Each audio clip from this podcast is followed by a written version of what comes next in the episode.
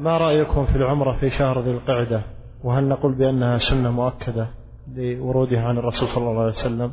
لا شك أن الرسول صلى الله عليه وسلم اعتمر في ذي القعدة ثلاث عمر منفردة.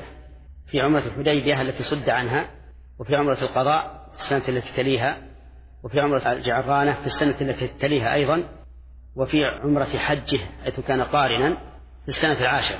والعمرة في أشهر الحج في عهد الرسول عليه الصلاة والسلام كانت مؤكدة لأنه في عند الناس عقيدة فاسدة عند العرب الجاهلية أنه لا اعتمار في أشهر الحج لا اعتمار في أشهر الحج وأن أشهر الحج للحج.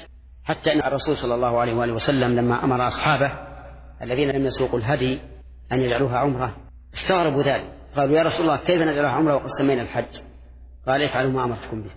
وقد استحب بعض العلماء أن يعتمر الإنسان في أشهر الحج ابتداء برسول الله صلى الله عليه وآله وسلم. حتى إن بعض العلماء تردد هل العمرة في أشهر الحج أفضل أم العمرة في رمضان.